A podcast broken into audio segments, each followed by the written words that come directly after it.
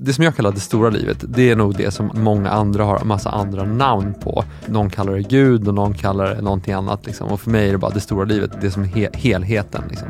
Visa att du inte vet vad du har för talang.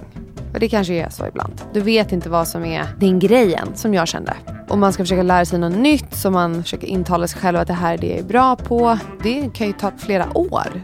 Vissa har ju säkert flera, alltså hela livet när man bara... Och många hittar det aldrig. Nej. Så det är bättre att göra fel saker riktigt bra än att inte göra någonting. Men för mig så ger det mig en enorm trygghet att veta så här, men okay, så länge jag gör allt jag kan, mitt yttersta, så gör jag rätt. Men han fortsatte göra på det sättet och till slut så hittade han glödlampan som fungerade på försök nummer 10 000. Fake it till you make it, eller? Det, det kan man ju säga att han gjorde. Och jag skulle säga att så här, 99 av 100 av de människorna avskriver vi som galningar. För att de stora genombrotten är galenskap tills de blir erkända som genombrott. Det är det som gör att de är genombrott. En mindre fråga som, som kommer också ge dig samma typ av riktning. Det är ju så här, men okej, om jag gör det här nu och jag lyckas vinna den här fighten, kommer champagnen smaka gott?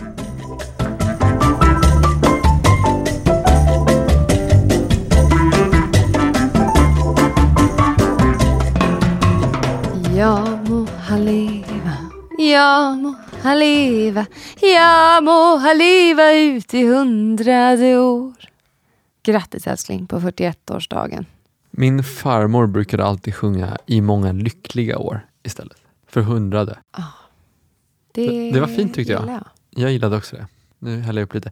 Det här är, Vi dricker i varje avsnitt. men nu fyller jag år. Hur känns det då att fylla 41? Det känns bra. Eh, 41 är ju kanske den minst jämna åldern man någonsin fyller. Det betyder ju ingenting. Man är 40, 40 är liksom jämnt. Och det är lite kul också. Det är, Det är en så här stor... 40-årsfest är ett begrepp liksom. Ah, Och sen så är 42, tycker jag, det mest jämna man kan fylla. Och det tycker man ju bara om man är supernördig och kanske gammal. Det, det finns en bok som heter Liftarens guide till galaxen som jag älskar. En stor del av den boken är att de ska komma fram till meningen med livet, universum och allting. Det vill säga meningen, meningen med livet. ah. Och så räknar de och räknar och räknar och så gör de det i typ tre böcker, eller jag kommer inte ihåg, länge. Och till slut kommer de fram till svaret, så har alla samlats på ett jättestor plats där alla står och väntar på det stora svaret från datorn. Och till slut så säger datorn 42.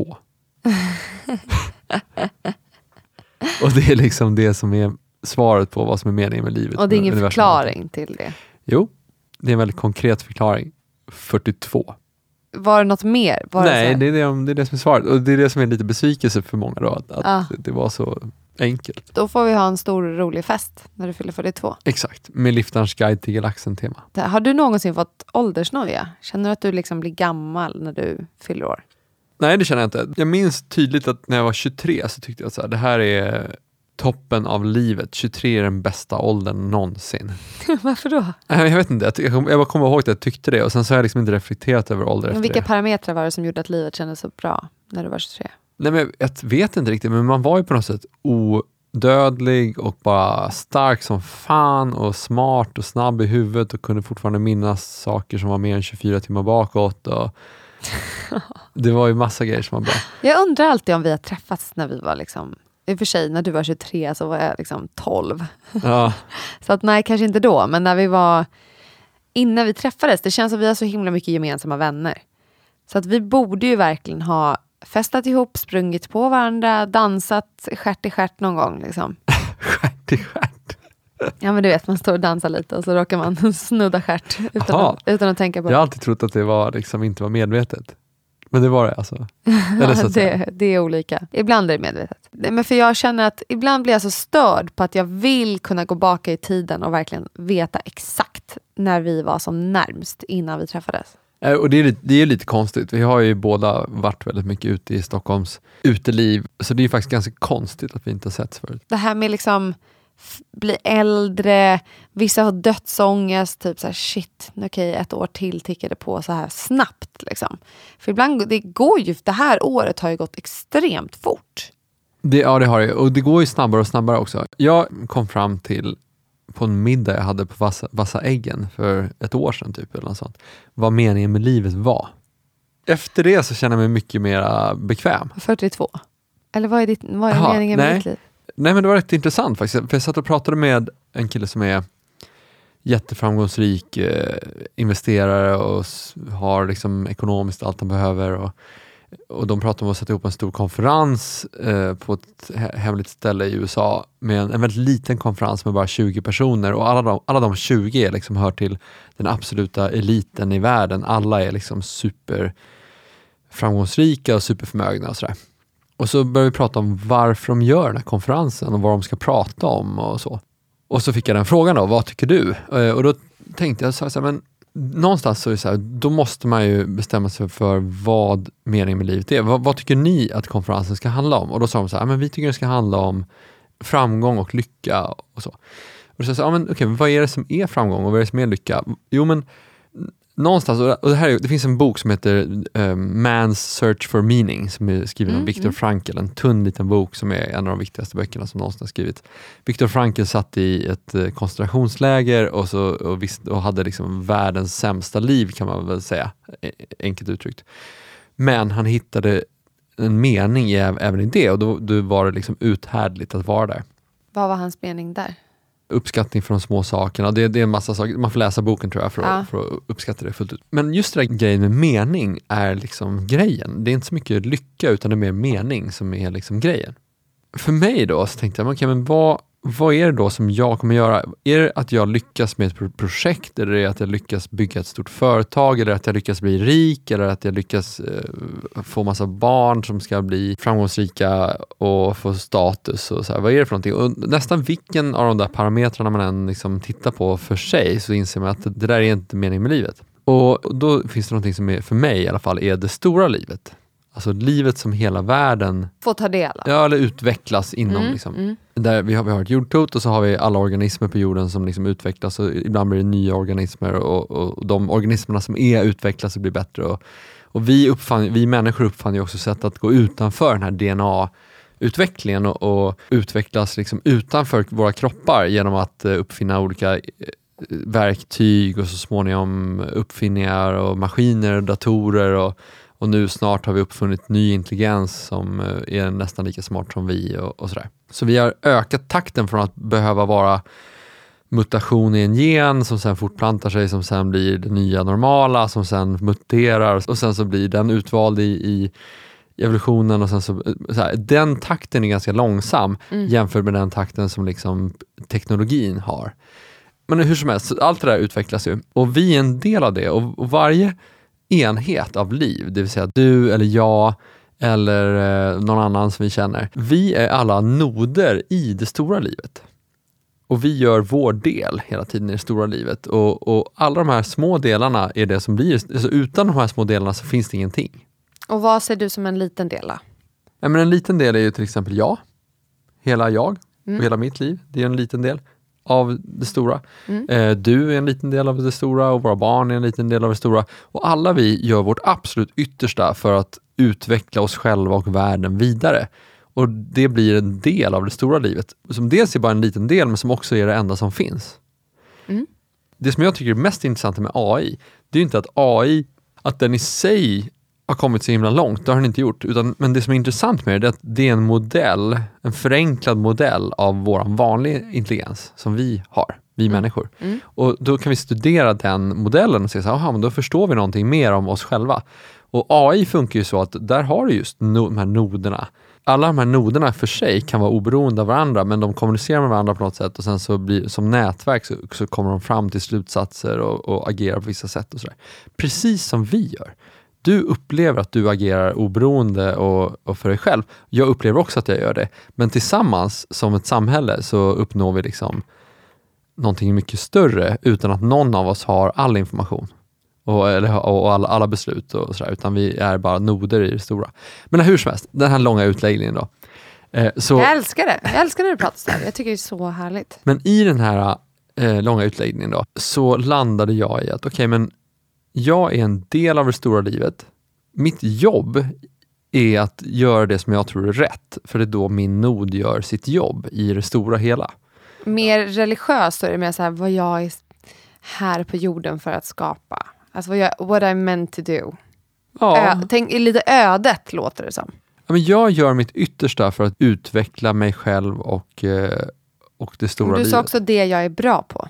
Ja, för att det som jag är bra på, jag har ju vissa egenskaper, om jag ska göra, göra mitt yttersta för att bidra så mycket som möjligt till det stora livet. Det som jag kallar det stora livet, det är nog det som all, många andra har massa andra namn på.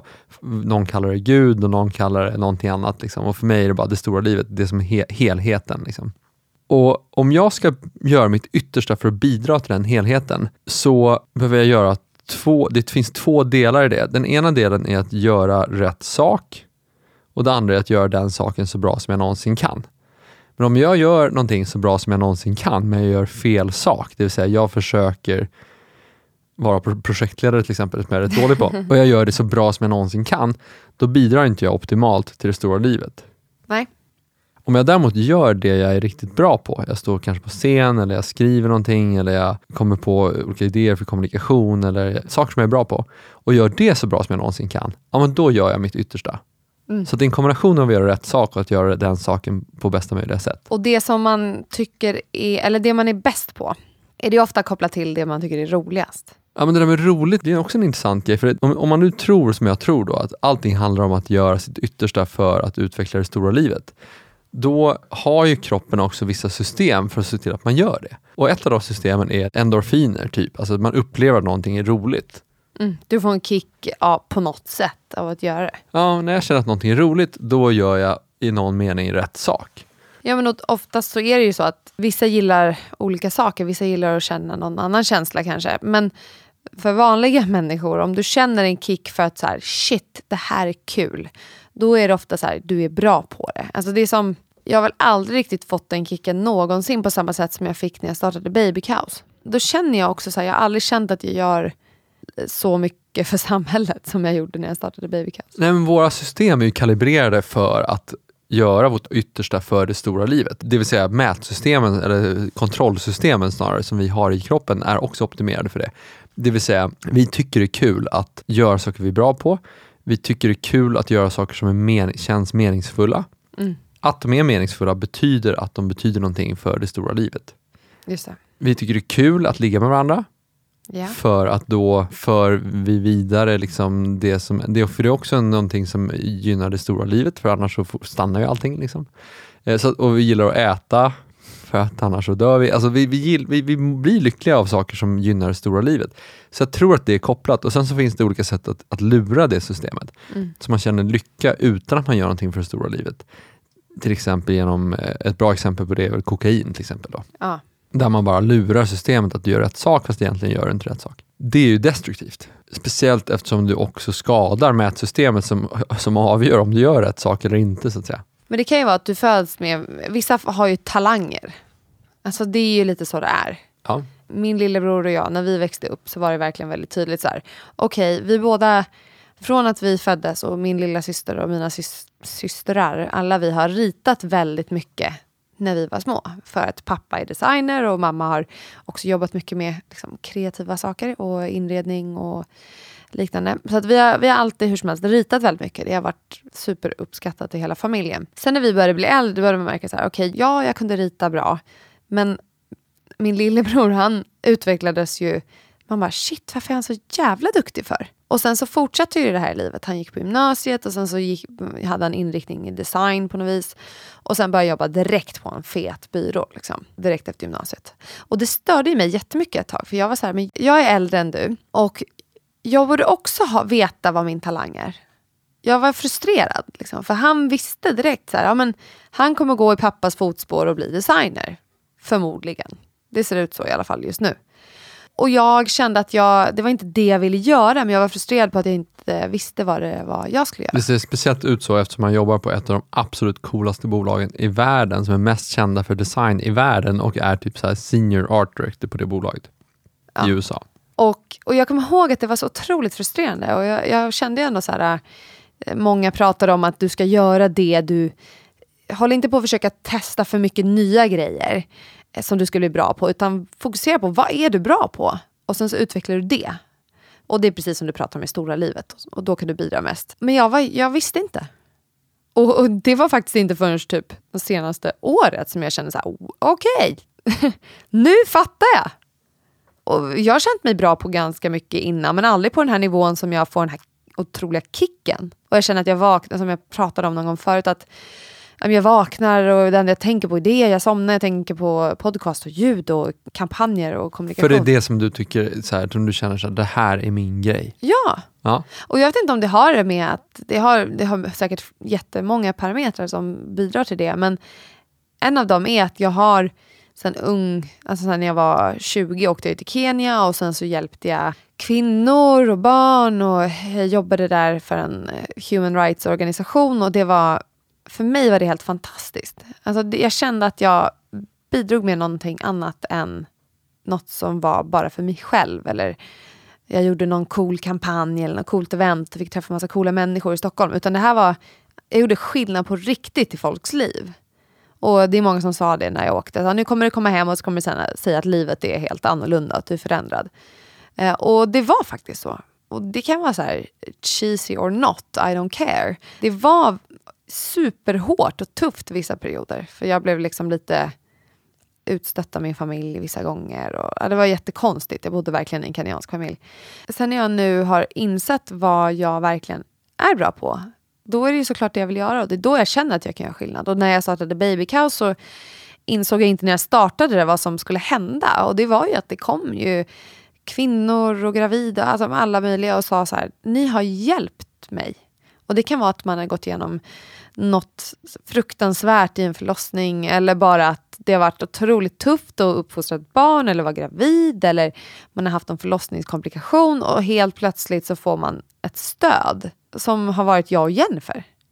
Och det var så himla sjukt för mig och då där kände jag mening på ett annat sätt jo, jag hade gjort ja, förut. Jag tror att för det som du pratade om förut, att, att vara på modefesterna och hit, hitan ditan. Liksom. Ja. Det ska man inte heller spela ner betydelsen av, för det är betydelsefullt i en viss del Mm. av det stora livet. Och det är den delen som handlar om att, om man ska vara lite krass, att bygga upp status i gruppen, att därmed kunna träffa någon, någon, någon partner med hög status och kunna fortplanta sig med den. Ja, nej, men, och det också... Reducerar jag just modeveckan till det? Exakt, fortplantning. Ja, men ärligt talat, liksom, hela nattlivet. Fast det, allt handlar väl i livet mycket om att, eh, som jag pratade med vår kära vän Katarina Gospic om, att för länge, länge, länge, länge sedan, när vi bodde i grottor, var du ensam, då blev du uppäten. Alltså det här med att ha en stark social grupp Exakt. och en familj, och, och det är liksom livsavgörande. Så det 100%, dras ju alla efter. Alltså man vill ju ha ett starkt gäng att hänga med. Och det pratar man också mycket om i media nu, att ensamhet är liksom en, största, en väldigt stor del till att folk blir deprimerade eller tar livet av sig eller vad det nu än Ja, och det är ju inte för idag, för idag överlever ju vi ju ensamma, för vi kan bara ringa till Mathem. Liksom. Men, men, eh, men kroppen uppfattar att den är utsatt för livsfara. Mm. Så att absolut, det där ligger ju kvar. Men oavsett, då, så här, det, det vi fortfarande pratar om, eh, om vi nu säger att så här, om man ska säga vad så här, nattlivet och modeveckan och de coola festerna och allt det där som vi tyckte var superviktigt förut, går ut på, så är det väl kanske då om man, eh, om man börjar räkna upp grejer, så är det väl så här, men status eh, i gruppen, fortplantning, hitta rätt sociala umgänge, bygga en social grupp som gör att du kan överleva när det blir dåliga tider eller det kommer en vargflock. Liksom. Och de sakerna ska man inte spela ner betydelsen av. Gud nej! För de är jätteviktiga. Men du saknar fortfarande en pusselbit och den pusselbiten är Okej, visst, så du lyckas fortplanta dig, men vilken nytta gjorde du under din, din tid här? Ja. Och det är där som jag känner att så här, men om mitt jobb är att bidra till det stora livet och jag gör det på något sätt genom vad jag skapar, eller genom att uppfinna någonting eller genom att hjälpa andra så att de kan göra det, för det är ett lagspel. Alltså, det stora livet är ett enormt lagspel. Då kan jag dö sen och vara helt fine med det, för jag har gjort min del. Mm. Så som jag skulle. Om man däremot dör och känner så här, men jag kommer dö nu och jag har inte gjort något meningsfullt. Jag har inte eh, kanske på, något sätt, jag kanske inte lämnat efter mig några barn eller någonting. Liksom. Ja, men då är det eh, ångest för att du har inte bidragit till det stora livet. Sen så är den ångesten i sig också bara en illusion. Och det här är en av de absolut viktigaste sakerna som jag har någon, någonsin har liksom insett för mig själv. För att jag själv, alltså mitt ego, är också en illusion. Det är bara en illusion som är skapad för att jag ska göra de sakerna som gynnar det stora livet. En jävligt smart funktion som är skapad för det. eh, för den gör att jag upplever att jag gör det här för min egen skull. Men det här min egen, i meningen min egen skull, är bara en illusion. Ja, exakt. Eh, en modell, ett styrsystem, som skattesystemet eller vad, vilket styrsystem som helst, som gör att jag gör rätt saker i systemet. Men, och det kan man kanske säkert, vissa människor tycka känns eh, läskigt och hemskt och, och jobbigt att höra. Men för mig så gör det, ger det mig en enorm trygghet att veta så här, men okay, så länge jag gör allt jag kan och mitt yttersta så gör jag rätt. Och hur vet du att du gör allt du kan av ditt yttersta? Jag tror att det handlar om att man, när man känner mening och lycka, då gör man det. Mm. Givet att du inte har Tre skruvat, skruvat eh, styrsystemet med hjälp av diverse droger och sånt där. Ja, exakt.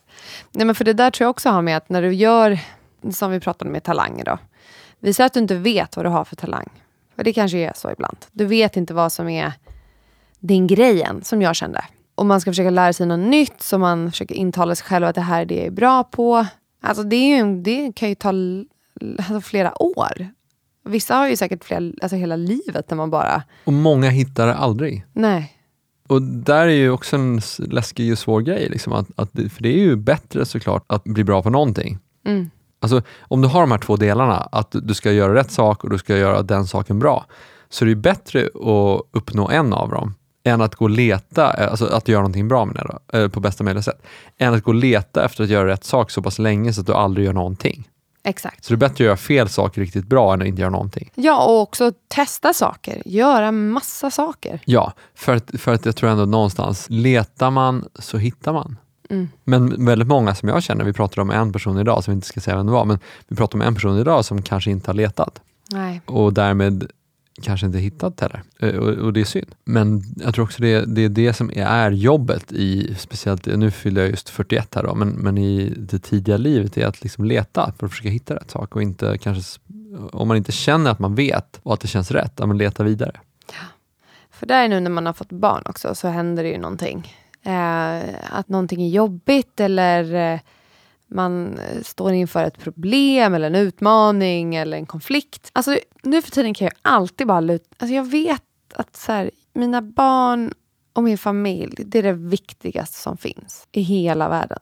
Ja, In, inte minst för att även om du misslyckas med att hitta rätt grej och göra rätt sak, så har du en ny chans. Ja, Eller två, exakt. slash tre. Ja, verkligen. Men det är inte, jag vet inte, jag bara känner att ibland är det, du vet när man har jobbat mycket en period eller man har eh, kanske haft barnvakt två helger i rad. Alltså man kan ju direkt gå och känna så här, nej gud det är en dålig mamma nu. Jag vill bara vara, det enda jag vill är att bara krama mina barn. Och, det, och det, ibland känner man att det spelar ingen roll vad jag gör, utan jag kan bara vara med barnen. Men sen så inser man ju att det behövs något mer. Det behövs något mer i mitt liv för att jag ska vara happy. Ja, men din nod är inte bara till för att skapa nya noder. Nej. Det är den också. Mm. Men eh, den är också till för att skapa någonting själv. Mm. För om alla noder bara struntar i att skapa någonting själv, utan bara skapar nya noder, ja, men då händer ingenting. Nej. Så att det, det, det är det som är, det är därför man känner så. Det är därför kroppen är Man måste programmerad lära upp så. sina noder. Att bli bra människor. Bli bra noder. Ja, precis. Och, och det är ju en stor del av jobbet. Som vi pratade om lite, så här, meningen med livet. Alltså, va, det är svårt ju, men jag, jag känner att det börjar bli mer och mer tydligt när man känner mening i det man gör. Jag kan känna 100% mening i barnen, alltså alltid, och i dig och min familj. Och sen när det kommer till det som ändå tar upp fem av sju dagar i veckan, vilket är det man jobbar med. Det måste ju, alltså för att man ska kunna vara en bra förälder och komma hem och vara en bra partner, då måste du ändå gilla det. Är det inte det? Alltså, jag vet inte, det kanske finns jättemycket människor som jobbar med eh, något som de är fruktansvärt framgångsrika i, och, men inte tycker om det. Jag vet inte, det kanske finns så. Att man triggas av andra saker. Man triggas av framgång och tävling och konkurrens. Och liksom att man tävlar med någon annan och lyckas bevisa sig vara bättre. Alltså det kan ju trigga folk, men det kanske inte ger den här varma känslan av att här, det här är rätt, det här är meningen. Alltså, det är rätt också. Det är det som är grejen. Alltså, det är rätt också. Du kanske, du kanske städar ett rum mm. på ett hotell. De jobben behövs också. Och utan de jobben så funkar inte det stora livet heller. Så att du kan känna mening i det. Du, men sen finns det också de här människorna som, som kanske bara gör galna grejer och, och, och jobbar stenhårt och, och, bara maniskt söker att liksom uppfinna den nya saken. Men det mest klassiska exemplet på det är ju Edison som bara maniskt jagade nästa grej, nästa grej, nästa grej. Han ljög för folk och han liksom eh, mörkade och han, han fejkade experiment och han höll på på ett sätt som är extremt, liksom, kan man ju säga, omoraliskt och um, oärligt och kanske till och med liksom, olagligt. Men han fortsatte göra på det sättet och till slut så hittade han glödlampan liksom, som fungerade mm. på försök nummer 10 000. Fake it till you make it, eller? Ja, det, det kan man ju säga att han gjorde. Mm. Faktiskt. Uh, och, och sen finns det de som gör exakt samma sak men som uh, aldrig riktigt lyckas. Och det, där har vi hon uh, som gjorde den här blodanalysmaskinen i Silicon Valley som heter, jag tappar hennes namn nu, men det finns en, det finns en jättebra dokumentär, eller ja, dokumentär om det på, jag tror det är på Netflix eller HBO, som heter Just det. The Dropout. Just det. Och hon lyckas aldrig och hon, henne avskriver vi i historien som bara en galning. Liksom. Ah. Och, de, och jag skulle säga att här, 99 av 100 av de människorna avskriver vi som galningar. För att de stora genombrotten är galenskap tills, någon, tills de blir erkända som genombrott. Det är det som gör att de är genombrott. Men det vi kan säga då är egentligen, alltså meningen, när man känner mening, det behöver då inte vara att det är liksom eh, lycka eller det kan vara olika typer av meningar, alltså meningsfulla känslor. Så det, behöver inte, det kan ju verkligen vara så här, men jag känner, inte vet jag, aggression kan också vara en mening Absolut, vissa. Nej, men 100 procent. Eller ja, ilska, eller ilska, att man, ja. man är aggressiv, man kanske attackerar någon. Det kanske inte är den bästa meningen då. då. Nej, men, men det kan vara rätt. Liksom. Ja. Att, att känna så här, nu, nu var det någon som gjorde det här, någonting mot mig som jag tycker var fel. Om jag bara accepterar det då och låter den personen köra över mig, ja, men då, då, då står jag inte upp för det stora livet. Nej. Och därmed så vinner någon som, som gör det stora livet en otjänst. Mm. Så där ska, man, där ska man stå upp och ta den striden och liksom gör, göra det. Alltså, och det. Och det kanske känns jobbigt just då, men efteråt, om du sen vinner den striden och liksom rätt sak vinner. Eller så här. Med en ärlig, eller vad ska man säga, med en... Ja, men en intention som är att göra det som är bäst för det stora livet. Och inte en intention att göra det som är skönast för dig just nu. Att så, ja, men, alltså, för det som kanske är någon, någon då som gör så här, men nu gör jag det här för att jag får lite mer pengar just nu. Ja, men då gynnar inte det, det stora livet, men det gynnar dem just nu, de får lite skönare. Ja, men då är det upp till mig att stå upp mot det mm. och försöka vinna för det som är rätt. Liksom. Ja, men, eller att du känner att du är i en fas när du kanske är lite svag och då dras du till kompisar som kan säga till dig så här, ja men gud, jag fattar att det är tufft nu, kom hit och käka pizza och ta det lugnt. Har du då vänner som du vet hade liksom pushat dig att så här, nej men ryck upp dig, gå ut och spring, duscha kallt, gå och lägg dig tidigt. Då är du så här, uh. Ja, och ibland är det rätt att gå hem och äta pizza. Alltså det är bara att man, jag tycker att jag, i mitt huvud så är liksom lackmustestet är, är det här rätt för det stora livet? Och hur vet du när det är det då?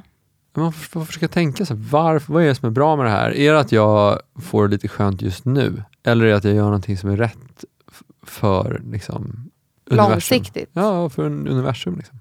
Ja, visst. Det kan, alltså så här, jag, jag fattar, men jag tror att man måste nog känna så här, ja det kanske blir lite stort att tänka så. Jag tror man måste, vi sitter ju ofta och pratar om så här, vi pratar om magkänsla, så här, men hur känns det? Hur känns det när vi har ett möte med någon eller vi, vi står inför en ny ja, men uppstarten av Poetic och hur vi ska utveckla det och hur vi ska utforma en produkt. Kanske vi har en jättebra idé och sen så måste man känna efter, så här, men är det här eller är det här?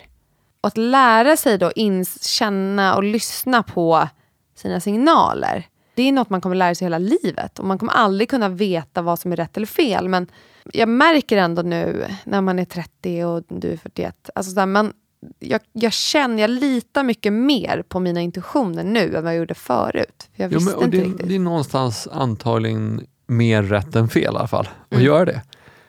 Och jag, och jag tycker liksom ett, ett annat ganska, så här, om man ska prata om små nu har vi pratat om stora, så här, är det rätt för universum? Ja, det är kanske en lite stor, stor fråga. En mindre fråga som, som kommer också ge dig samma typ av riktning, det är ju så här, men okej, om jag gör det här nu och jag lyckas vinna den här fighten, kommer champagnen smaka gott? Oh, verkligen. Eller kommer jag känna innerst inne att jag har visserligen fått det här eller vunnit det här, men det var fel. Mm. Så att så här, kommer champagne smaka gott? Det är kanske en väl så bra fråga att ställa sig. Kanske ska avsluta med det. Jag tror det. Jag har i alla fall lyckats leva 41 år idag, så skål för det. Skål älskling. Nu låter det bättre. Förra gången vi skålade så lät det så dåligt. Det är bättre kling i glasen. Är det för att det för, var för mycket i glasen då kanske? Ja, nu är de nästan slut. Så skål, botten upp. Det här var ändå så mysigt. Vi satt, klockan är tio på kvällen. Barnen sover, typ kanske, det vet vi inte. Dörren är stängd, vi har ingen babymonitor. Och innan vi gick ner så var jag så här, åh herregud. Jag känner att det är mycket vi vill få ut. Alltså det är ju verkligen mycket så. Ibland när vi sitter och kacklar. Vi har käkat räkor och göttat oss för du fyller år. Så nu luktar studion räkor för den som kommer spela in här nästa gång efter oss. Räkor och champagne. Ursäkta räkor. Nej gud, nu börjar jag bli trött. Nu kommer tröttheten här. Nu går vi och lägger oss. Nu går vi och lägger oss. Hörni, tack för att ni lyssnar och eh, glöm inte att prenumerera på podden. Det gör skillnad i början, speciellt i början. Ja, Och sen får ni... förhoppningsvis även för er. Exakt. För det som händer då är att ni får ju såna härliga notifications va? När det kommer nya avsnitt. Och i bästa fall kommer det gynna det stora livet. Ja, det stora liv. Nu känner man sig så liten. Men det är härligt. Liten men viktig. Liten men viktigt. God natt och sov gott. Eller god morgon. Hej då. Hej då.